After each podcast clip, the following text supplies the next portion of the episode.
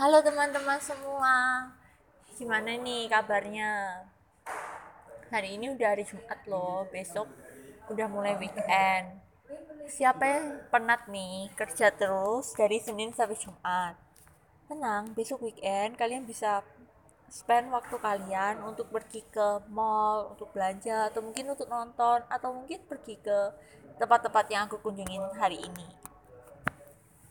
Oh iya, yang baru di podcast ini kenalin nama aku Evelyn Kristiana dan aku mempost podcast perjalananku selama di Jakarta. Dan hari ini merupakan hari uh, malam terakhir aku di Jakarta. Kalau kalian mau tahu gimana malam terakhirku di Jakarta, apa aja yang aku lakuin hari ini, dengerin sampai habis ya.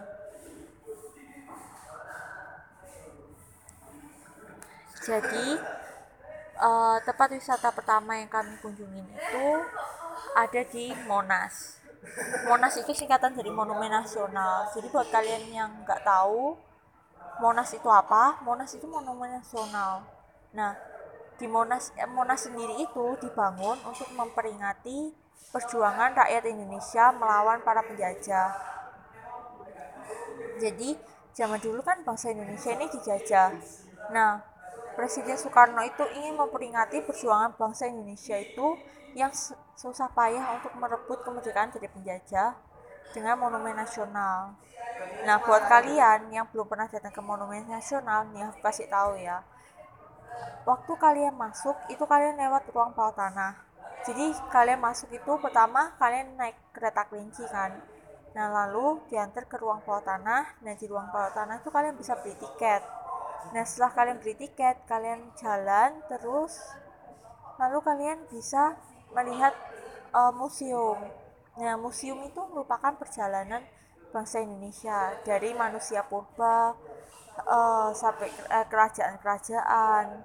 Terus ada barter kan, terus habis itu ada pedagang dari Cina lah, Cengho, kerajaan, terus ada penjajahan juga sampai kemerdekaan Indonesia, bahkan ada Sumpah Pemuda juga. Nah, setelah kalian lewat uh, museum itu, oh ya, kalian nggak perlu takut ya, karena di dalam Monas itu uh, udaranya nggak sepanas di luar. Jadi udaranya itu cenderung lebih dingin dibandingkan di luar. Nah, setelah kalian ke monumen, uh, ke museum itu, kalian bisa naik lift untuk ke bagian atas. Nah, di bagian atas itu ada teropong. Melalui teropong, kalian bisa melihat kota Jakarta secara keseluruhan dari atas sekaligus kabut yang ada di kota Jakarta. Oh ya, by the way, buat yang belum tahu, kabut yang ada di kota Jakarta itu merupakan kabut polusi, guys, bukan kabut kabut-kabut yang kayak di pegunungan. Itu beda. Terus uh, sehabis sehabis tadi itu sehabis kita naik di atas, kita turun kan ke bawah lalu kita ke monumen kemerdekaan. Nah di monumen kemerdekaan itu ada uh, kayak pintu pintu hijau sama emas yang ditutup. Terus uh, di dalamnya itu ada fotokopi teks proklamasi yang diperbesar empat kali. Jadi sebenarnya nanti kalau siap satu jam sekali mulai jam 9 pintu itu akan membuka lalu akan ada rekaman pembacaan teks proklamasi dan kita bisa lihat teks proklamasinya secara langsung. Tapi itu setiap satu jam sekali. Tapi sayangnya hari ini aku kurang beruntung jadi uh, aku nggak nggak sempat lihat uh, pembacaan teks proklamasinya. Jadi waktu aku datang naik itu jam 11 lebih 10 pintunya itu sudah ketutup. Dan aku nggak bisa dengar rekaman teks proklamasi. Jadi itu kayak kayak pembacaannya itu benar-benar bentar banget. Buat kalian yang mau dengar make sure kalian datang sebelum jamnya. Jadi misalnya kayak jam 11 nih kan jam 11 kan dibuka pintunya untuk dibacakan teks proklamasinya Nah, kalian datangnya 15 menit sebelumnya atau 10 menit sebelumnya. Jadi, kayak jam 10.45 atau jam 10.50 jadi kalian nggak bakal ketinggalan tuh pembacaan teks proklamasinya. Gitu aja sih yang ada di Monas.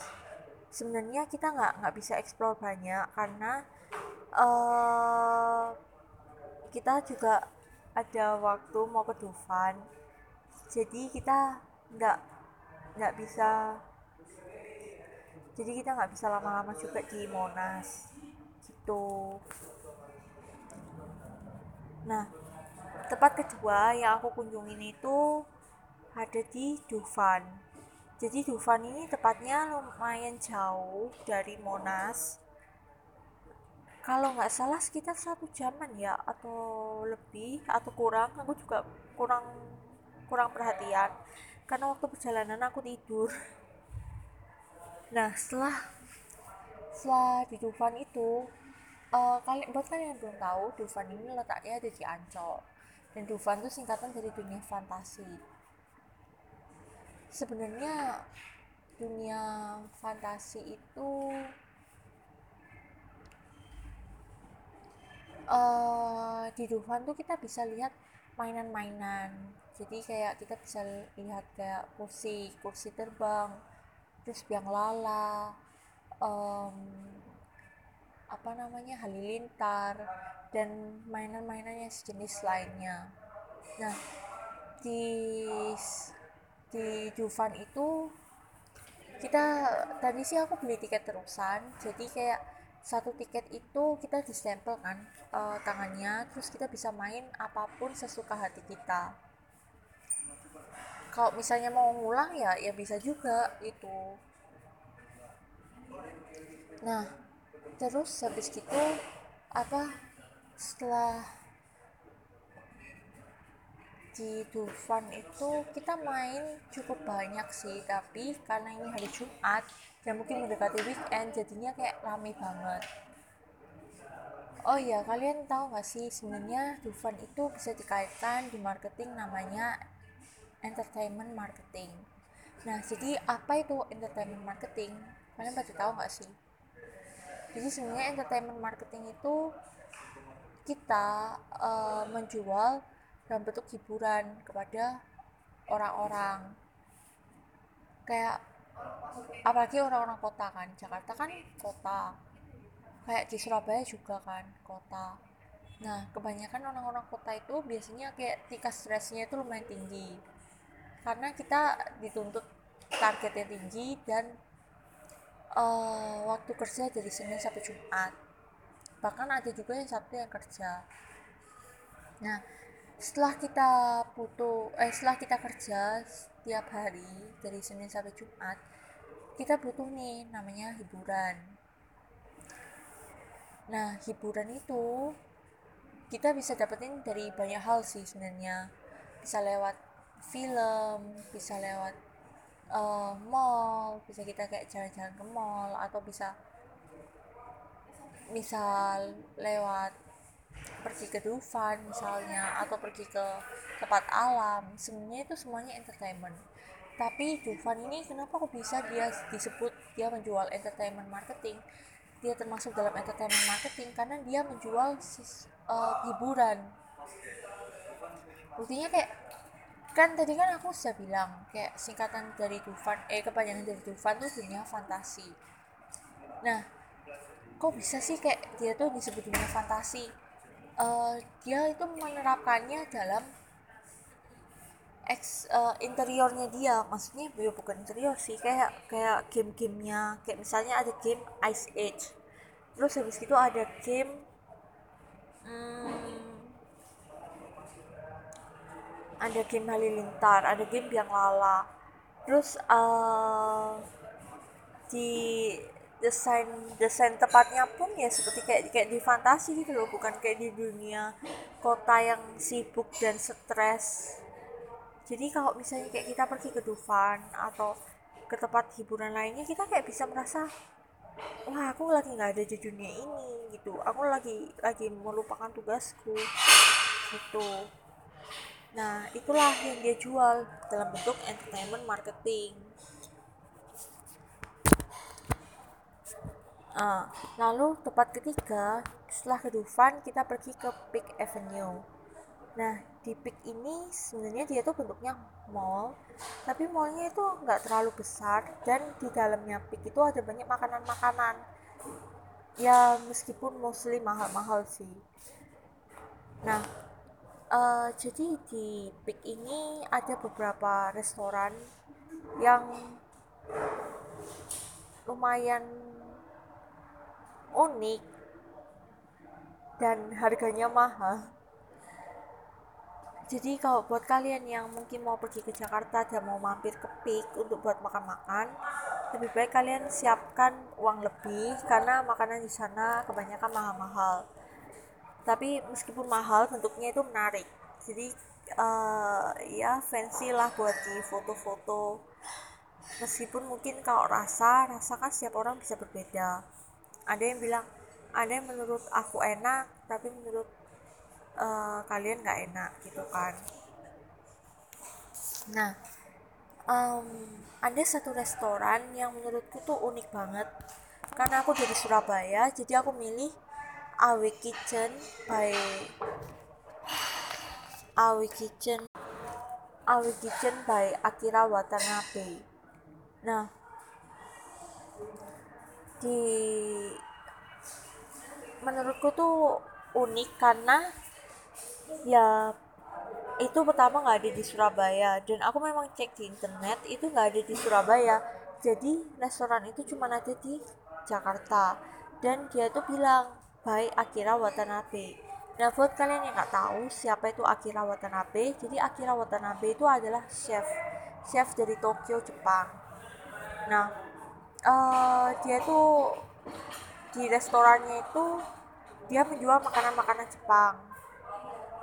Nah selain itu um, kan lumayan jarang. Aku nggak tahu sih tapi menurutku lumayan jarang. Uh, chef yang dari Jepang yang membuka restoran di Indonesia. Dan lagian desain interior dari uh, restoran itu tadi di Peak itu lumayan berbeda dibandingkan restoran lainnya.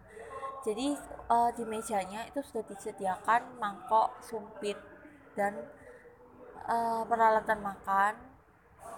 Lalu di interiornya itu kebanyakan abu-abu. Abu-abu dari gelap ke terang. Pokoknya memang benar-benar fancy banget sih. Terus uh, tulisan dari Akira Watanabe sama Awi Kitchennya itu berwarna emas. Jadi kalau kalian lihat itu benar-benar fancy banget. Jadi itulah kenapa kok aku milih restoran itu sebagai restoran yang benar-benar wow. Menurut aku benar-benar hype banget gitu oh iya tadi kan aku lupa jelasin nih.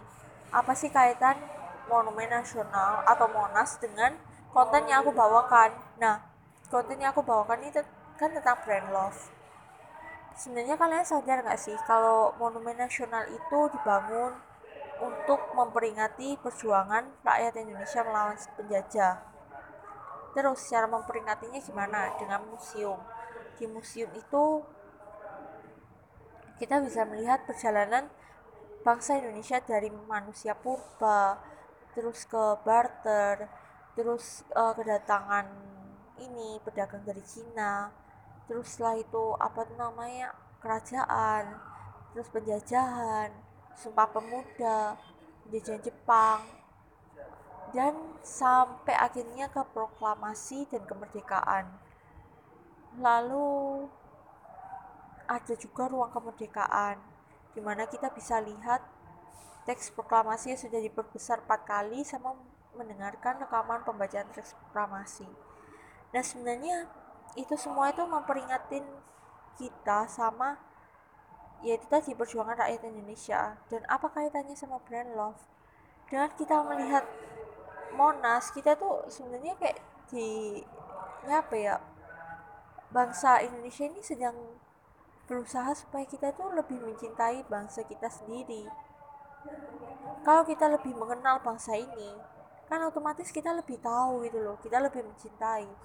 Kayak seperti ada pepatah bilang kalau jika tak kenal maka tak sayang. Ya seperti itu. Itu um, kira kayaknya sekian dulu podcast dari aku hari ini selamat istirahat dan goodbye. Aku nggak tahu bisa ngerekam lagi atau enggak karena ini hari terakhirku di Jakarta. Jadi semoga kalian enjoy sama podcastku sampai dengan hari ini. Aku juga minta maaf kalau ada salah. Oke okay, bye bye